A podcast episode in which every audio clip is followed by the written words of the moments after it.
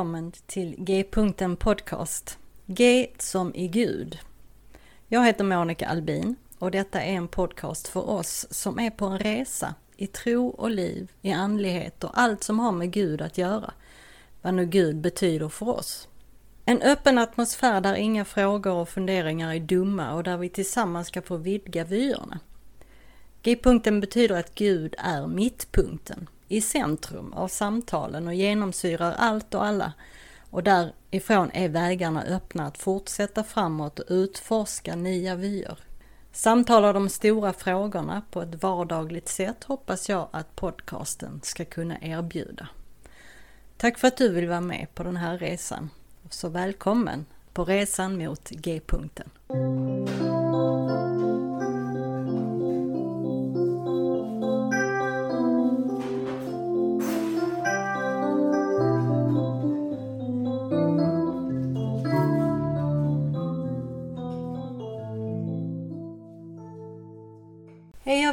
Välkommen tillbaka till G-punkten Podcast. Idag är det avsnitt 14 i säsong 4. Och i dagens avsnitt pratar jag med Jason Michelli. Han är metodistpastor i Virginia i USA. Han är också författare till flera böcker. Han är skribent för Mockingbird och The Christian Century. Och sen har han ju tillsammans med flera vänner podcasten Crackers and Grape Juice.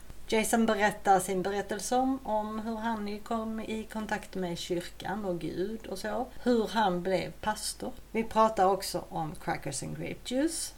Men allra mest pratar vi om hans bok Cancer is funny. Som han beskriver perioden då han fick den mycket svåra cancerformen mantelcellslymfom. Och när han gick igenom behandlingar som nästan tog död på honom. Han lever fortfarande med cancern men den hålls i schack med behandlingar. Samtalet vi har är ett roligt och innerligt samtal och det känns som om vi redan vore vänner. Jag lägger länkar till eh, hans hemsida och Crackers and Grape Juice och boken i avsnittsbeskrivningen. Och om du tycker om det så gilla och dela avsnittet på dina sociala medier till dina vänner. Och följ podcastens Facebook-sida och blogg. Och skriv gärna dina funderingar och kommentarer. Precis sådär som vanligt. Nu ska jag inte prata mer, utan här kommer samtalet med Jason. Varsågoda! Welcome to G-punkten podcast, Jason Michelli. Oh, thanks for having me. I'm so glad you accepted my invitation. Is this your first Swedish podcast?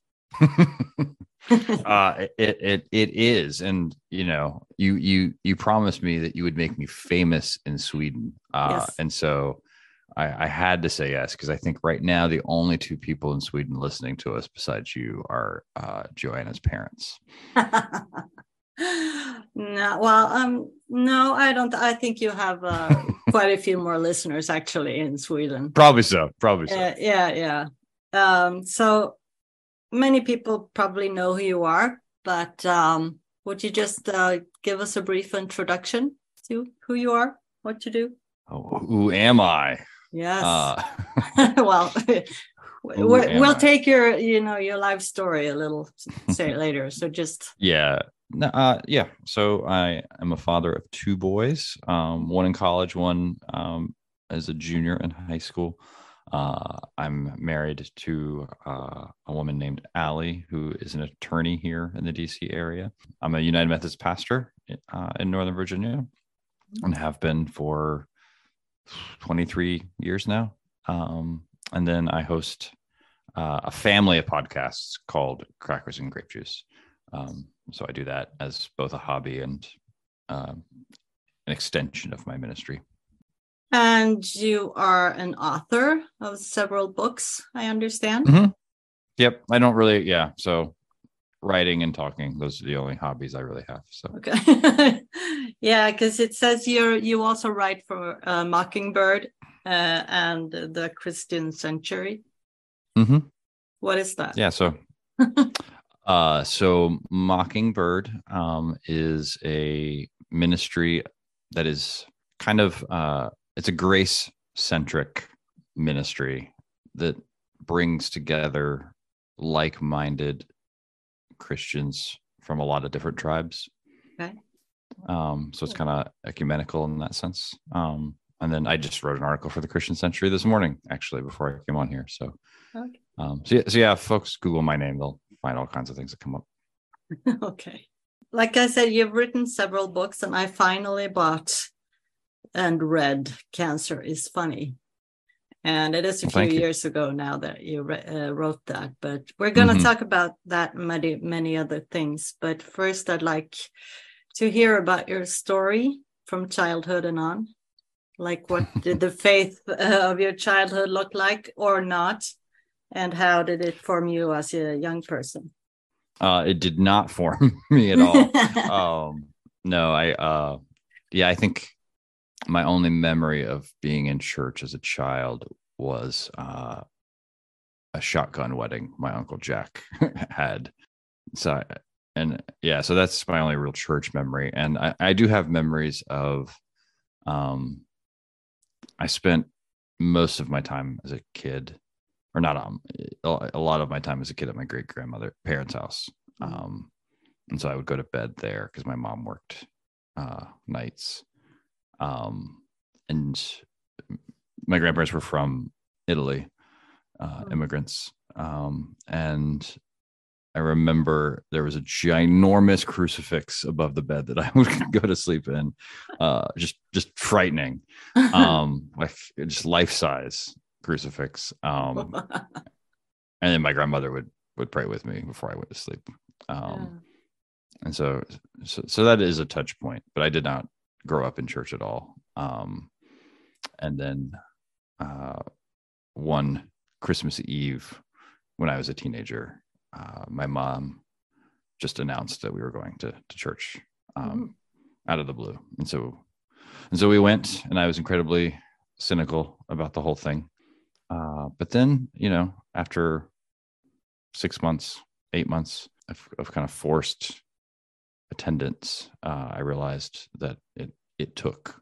Hmm. Um, and so, and, and I had this kind of, I don't know, mystical encounter, Hmm. um, just a, a momentary certainty uh, as I was receiving the Eucharist uh, that the person giving it to me was was Jesus. Hmm. Um, and as soon as I had it, it was gone Hmm. um, but it was convicting. When did you know you wanted to become a Methodist pastor? I'm still not sure. Um, I'm still not sure. Uh, um, yeah, I don't. I, I so I I became a Christian and then I went to college. Mhm. Um, and so I had I had this you know spiritual high. Um, and then I went to college and then on a lark, I took a class called Elements of Christian Thought. Uh, and it just bowled me over. Um, and so I realized uh, what I had experienced personally, I was now experiencing intellectually. Hmm. Um, and so, you know, I just I wanted to re- read more and more of these books, and I realized that the Christian tradition was deeper and broader than I had any any idea um, previously. And so I just wanted. So I went to Princeton Seminary um, from UVA simply for the most part because I wanted to continue having these conversations and learning more and reading these books. But one of the requirements of being a seminary is that you have to to work in a church. Um, um, and and it, and it just so happened that there weren't that many United Methodist students at Princeton, um, but there was a small clergy killing church uh, Oh. that was in need of a pastor. Okay. Um, and so I just, you know, the bishop called called me up and offered me this this place, and so as soon as I started seminary, I started pastoring too Wow. which which may be a terrible idea for a lot of people but it was good for me to um make my mistakes early yeah. So for how long did you say you served now? 23 years something? yeah i've um i served a little church in new jersey i worked uh, for a time as a chaplain uh, in a maximum security prison um i served a church in the blue ridge mountains in virginia and then Mhm. i've been in northern virginia for yeah since you know uh, 20 years. Less than Wow. 20, I don't know. For a long time. A long time. The same congregation? Uh, no, I've been at this one. This is coming up on my fifth year. Okay. Um, I was at my previous one for 13. oh, that's is that a long time for a Methodist pastor? Or Uh, it a- Yeah. Um, I, if you, uh, if you refuse to kiss people's asses and you dare to have a conviction, um, it, it makes you difficult to place, uh, in certain churches. And so it was, it was just easy. It, was just easier to keep me where I was for a, a long time. oh, oh my! I like you even more. Um, I'm kind of anti, like I don't know. I'm I'm I'm pretty traditional in my Mm-hmm. theology, but I'm uh, I tend to be skeptical of of uh, institutions. Uh, yeah, I hear you. Um, so let's not stay there too long. Let's talk about cancer is funny. Okay. Now, why would you write a book with that name? I mean, that's kind of uh, provocative. huh? What do you think? Uh, it was funny. Um, gosh, when it came out, um, a friend of mine uh, is a music teacher, Mhm. and so there was like a bill, uh, a, a bulletin board, um, in her school hallway where all the teachers would like put put down what they were reading, Mhm. and so she put she put the t- she put my book down, uh, and people kept taking it down because they found the title offensive. um, and so uh no uh the you know the secret of, of of writing a book is that the person who wrote the book has no say in the title so, so i i did not choose the title really? I, mean i'm i'm okay with it but yeah it was not my it was not my choice What would be your choice? uh the subtitle was my initial working title Keeping faith in stage serious cancer. Mm-hmm. That's good. Well, I, I kind of, I kind of like the uh, the title. Uh, Well, I don't know if I like it, but I, as a fellow Enneagram Eight, I kind of get it. You know. That's funny. That's funny. Um yeah, no, I, I mean I I tried to write about my experience as honestly as I could yes. or knew how to. And and part of that was trying to be funny and absurd and irreverent. Yeah. Well, you did a good job. Uh, so just start by telling us what happened to you and maybe why you decided to write a book about it. Then we'll uh, talk about some of the chapters. Uh, yeah, a, f- a few years ago, I um, for about six months, I had recurring abdominal pain, um, and so you know, and so it, would- it would be it would be kind of doubled over kind of pain, um, but then it would go away. So so there was a long period of just, huh, I should get that checked out, but Mhm. I didn't get it checked out, you know. So I, I thought it was stress or diet or whatever. Uh, and then it got uh, increasingly um, worse to the point where I, I just I couldn't like eat anything, and I'd be I was running a lot in those days too, and I could, I could it just felt like I was carrying something, like, you know, you know, like I got a baby or something. Um, so I finally, yeah, I went to the doctor, and I went to another doctor. I went to a lot of a lot of getting past. And yeah, I felt like Jesus, you know, uh, on Holy Thursday night, Good Friday, like getting passed from one group of people to another. Yeah, yeah. Um, yeah. So anyway, so I, I um, I, I had some scans done, and you know, the guy says, you know, well, you'll you'll hear from us in five to seven business days or something like that. And then, you know, that night I was getting a call asking if I was sitting down. Mhm. Um, so then uh so I, yeah so i was rushed into surgery um and it turned out i had a a tumor the size of a stephen king novel in my intestine. Um and so and and i had lumps all over my body that kind of Uh-huh. just appeared out of nowhere. Um and so yeah i woke up from surgery to uh, my wife explaining that i had one of five uh, r- rare cancers, and they were waiting to to find out which one it was. Um, so I have something called mantle cell lymphoma. It's Hmm. uh, it's in my marrow. It'll never be in remission. I just keep it at bay as best I can and wait for it to come back. Um, so surgery was followed by a, a year of really terrible chemotherapy and uh, bone marrow stuff. So so yeah, so I it was um so yeah, that's all I was doing. So the only thing I could do is was write about it as I went through it. Yeah. I'll mention a few of the chapters and we can talk about them. Uh, in chapter three, that's called uh, Chemo Sissy, you write that cancer has its issues, faith, not so much. No, has its uses. That's what it says. That's faith. Okay, cancer now has I- its uses, faith, not so much. There we go. That's why we couldn't find it, the real meaning of Well, I- this. I mean, I don't podcast in a second language, so I, I'm impressed. Thank you.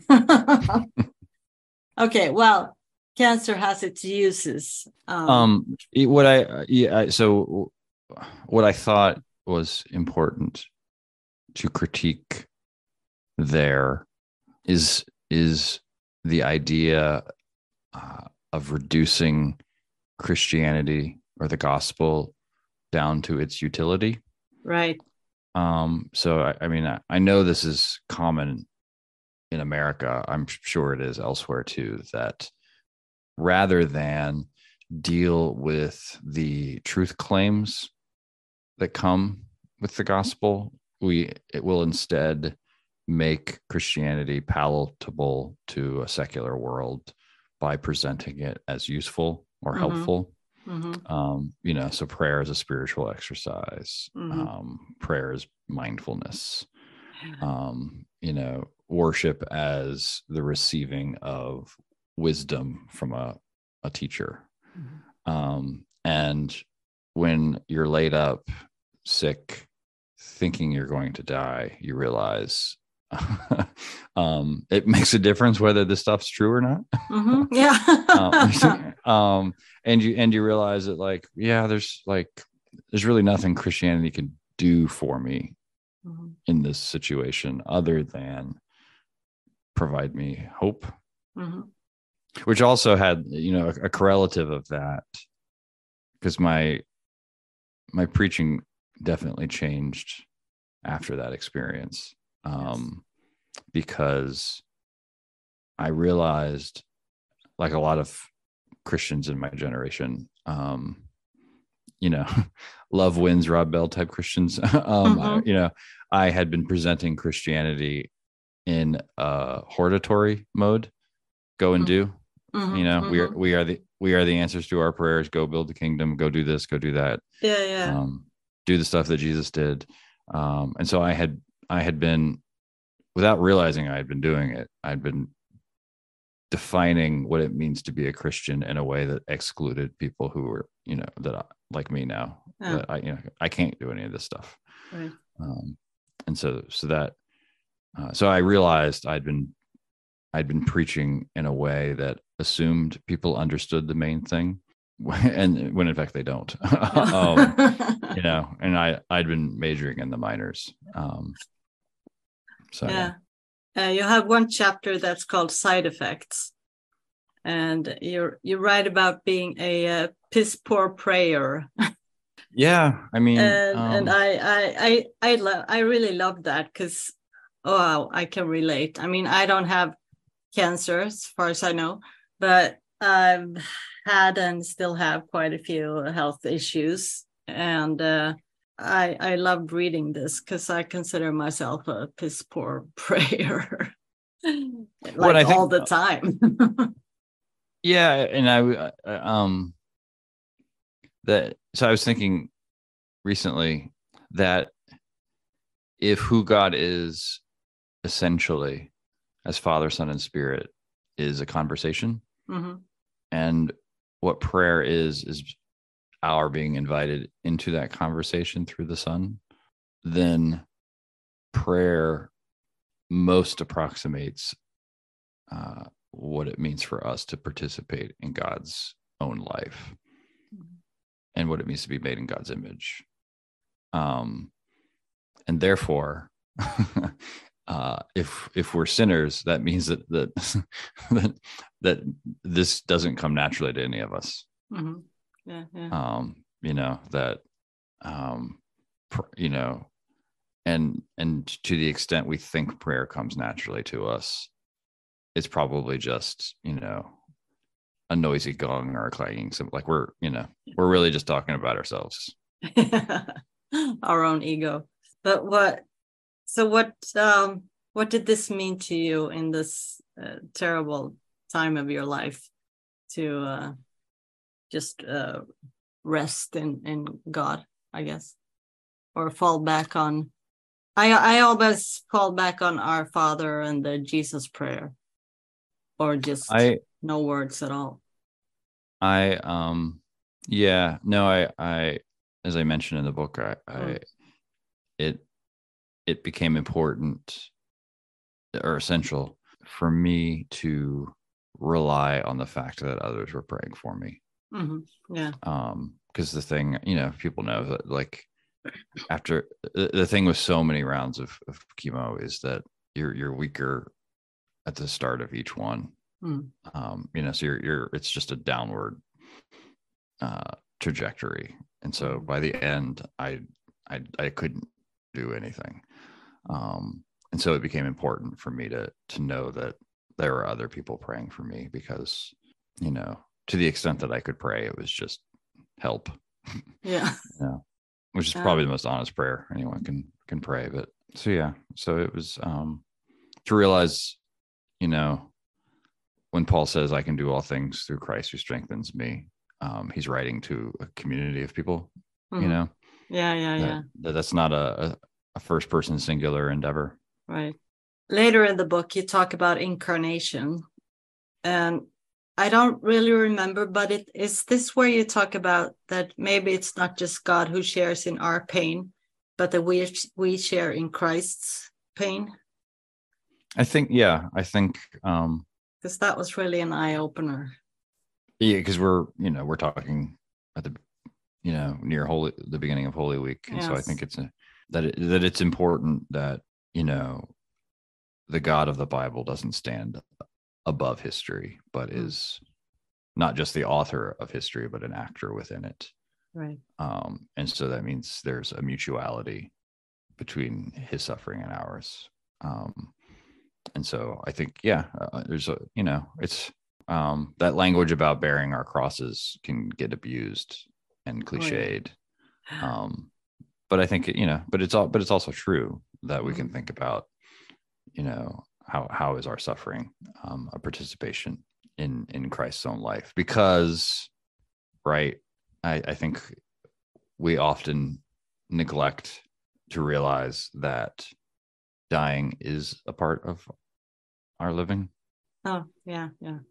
During all this time uh, of hell, your family suffered with you. And uh, I mean, it's one thing to suffer yourself, but when you have a family and children and the spouse, it's a lot more complicated, right? hmm And uh, many families don't survive that. Uh, but uh, would you say something about how how your family coped? Um, I think, I mean, that was just my wife holding everything together more than Mm. anything. And it did the the fear of me dying did irreparably impact both of my boys. Hmm. Um, and so that's yeah, I mean, that that's life, but it's it's it's it's still hard to think about that in a way that doesn't hurt Yeah. um but you're absolutely i mean as a pastor this is you know i, I i've done way too many funerals for children than i would want to do Yeah.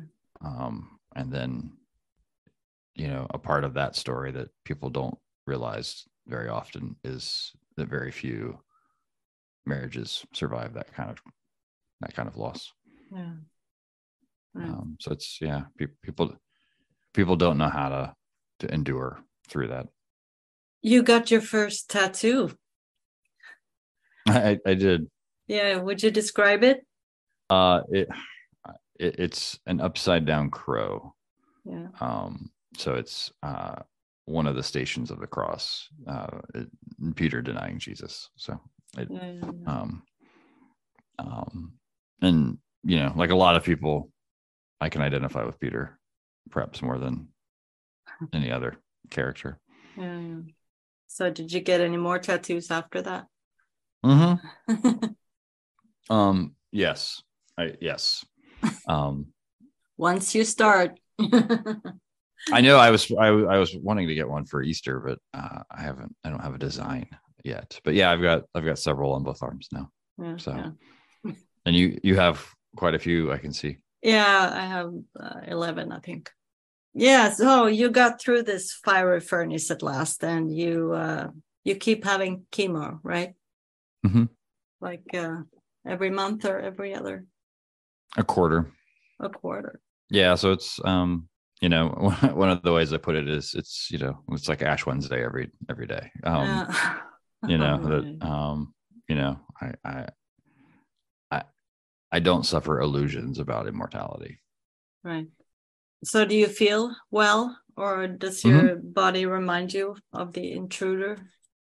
Uh, sometimes, but but yeah, overall, I I feel good and and in reasonably good shape. Yeah. I think. Oh, that's good. I mean, listeners can't see me right now, but I, you know, I'm, I'm fit and handsome and, and just look incredible. So Yeah, that's uh, that's fantastic. I'll just uh, do a screenshot. way better, way better than Luke Norsworthy. okay, that's funny. Uh, yeah, Although I he, it drives me crazy how not like what you know he's got great hair. He's just Yeah. got great hair. I know. I know. Oh, let's talk a little about crackers and grape juice. For Okay, for they're those, connected. So yeah, for those out there who don't know, why what is it and what why that name? So, um, one of the things I realized uh, when I was on medical leave Yeah, uh, is that, a, you know, because I, I don't like pastors who describe ministry as like the hardest job in the world because I don't think that's true. no, Um, and every uh, like lots of other people have like really hard jobs, and lots of other people have jobs that affect their families and their weekends. So, Mhm, mhm. uh, so I don't think we're a particularly, you know, oppressed uh, guild of people. Um, but you know, we do work on weekends, um, and we have a we have a Sunday deadline every week, which you know often Yes. means, you know, uh, so so um, part of what I realized is is that I'd let uh, some friendships just uh, go neglected Mhm. um and so i i wanted to i wanted to make it that that was not the case um and so i i was just like well we, we could we could start a podcast. So then like i have to then we have to talk to with, with each other. Yeah. uh so yeah so um uh my friend and colleague Teer Hardy and I Teer stumbled into my church years ago looking for someone to marry him and his fiance. Um, and then he became a member of my congregation through that. And then he was my youth pastor for a while. Um, so now he's he's you know a full-fledged minister himself. But um so we started it together because you know just as like a, a project of friendship.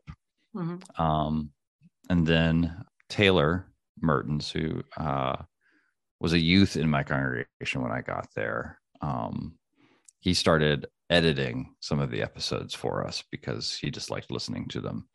Um and then so, so from there he he he kind of joined us uh and started uh a branch of the podcast uh, on his own. And then johanna hartelius whom i've known since i was 19 18 a long time. Yeah. we've been friends a long time. Uh so then we invited her uh to join us. And so she has another branch of the podcast that we do. And then uh, Tommy uh, is the daughter of a friend of mine who has since become a close friend. uh, she started editing for us, and so she's now our producer, and we pay her, and she's great. Uh, and then uh, a minion of mine, David, who is about to finish at Princeton Seminary, was six years old when I first came to his church. So I've known him most of his life, uh, and so now he he he joins us as often as possible. And then we just added two new friends. So it's my point is um, that uh, it's it's an expression of our mutual friendships. It's not um, anything other than that, really. Yeah, it's a big community. You have uh, like classes and stuff too.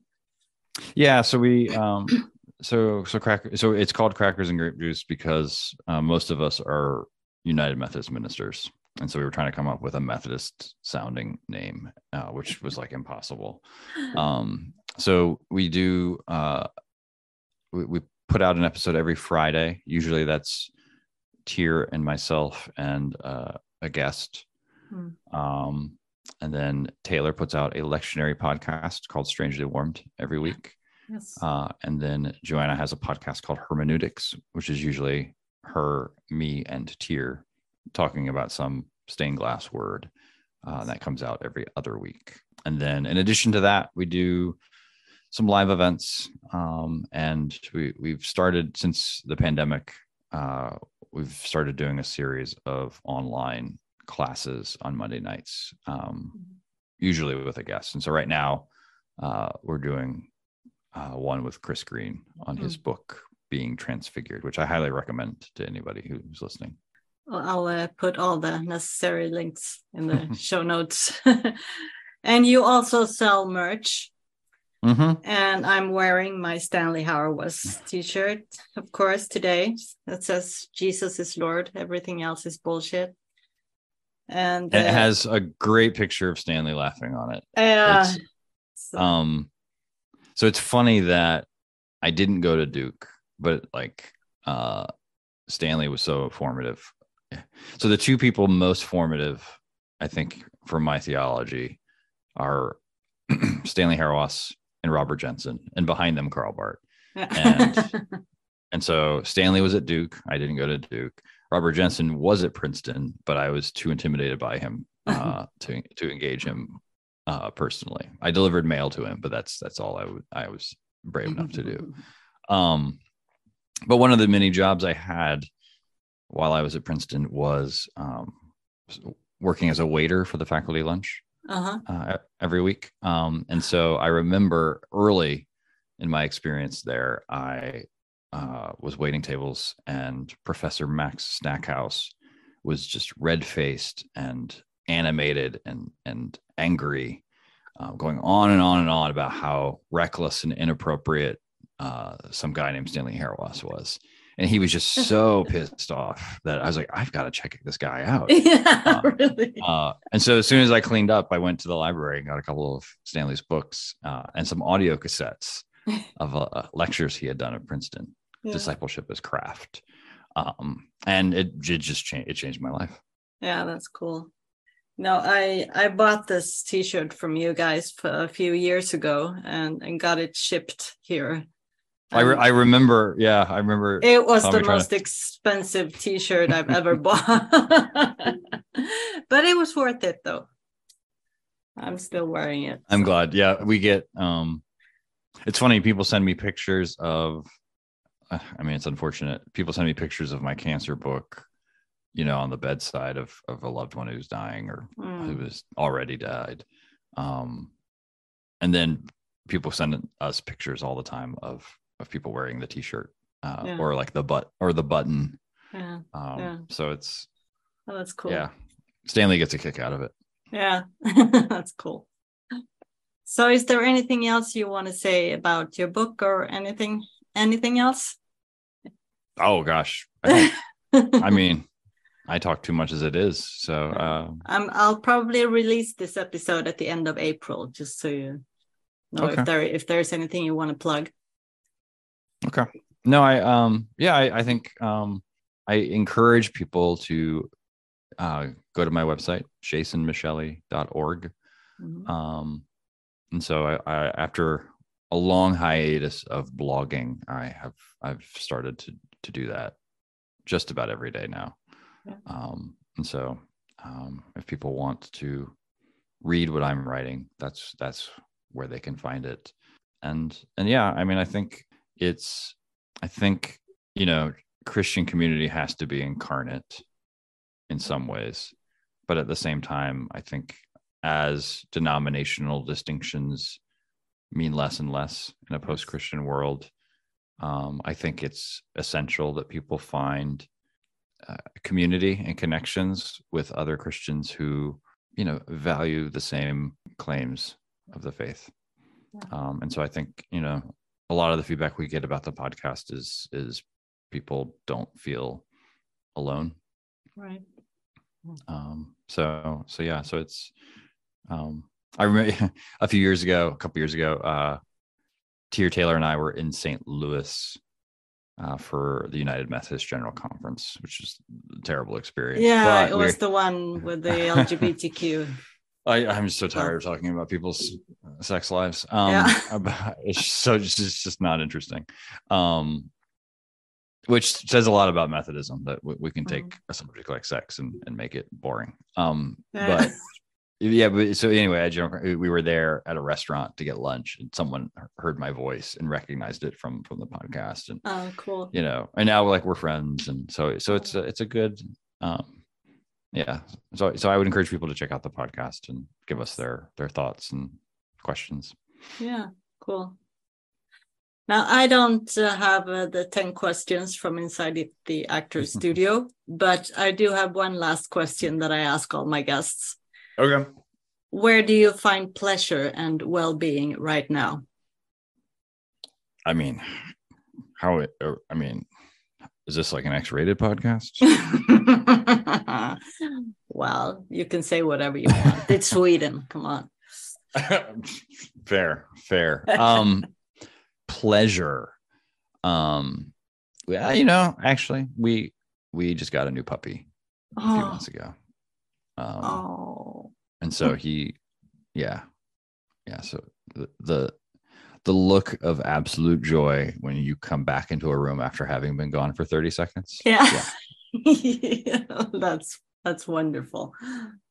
Uh, yeah. So I would say that. I would say that. And and both my kids, you know, uh my youngest son's about to get his first job. Oh, And so wow. it's fun to see. It's fun Yeah. to to see that that stage. Good. Well, um, thank you again for wanting to come on the show. I would love to have you back sometime. And, Absolutely. um, Yeah, send me um once you're you're you have it out, send me the link and we'll Uh, we'll push it out to people. yes, yes, please do. And let me know if you're ever coming to Sweden. I'm sure you have a standing invitation from Johanna's family. I I yes, I can probably finagle that. There's a um there's a Luther Days conference that happens every year in Bergen. okay, that's uh, Norway. Oh, well, it's close by, right? It's close. Yeah, it's close enough. You know, okay. it's not so hard to get from Bergen to Sweden then. So. um, well, there. See, I'm just a geographic idiot. Um, yes, I will look you up. Yeah, just do that. You have me on uh, Facebook, so it's good. well, keep up the good work. Thank you, ma'am. Sure. God bless. You too. Hoppas du tyckte om avsnittet. Och som sagt, gilla och dela överallt där du kan. Och som avslutning idag så vill jag bara säga de här orden till dig. Må du leva varje dag i ditt liv. Vi hörs snart igen. Hej då!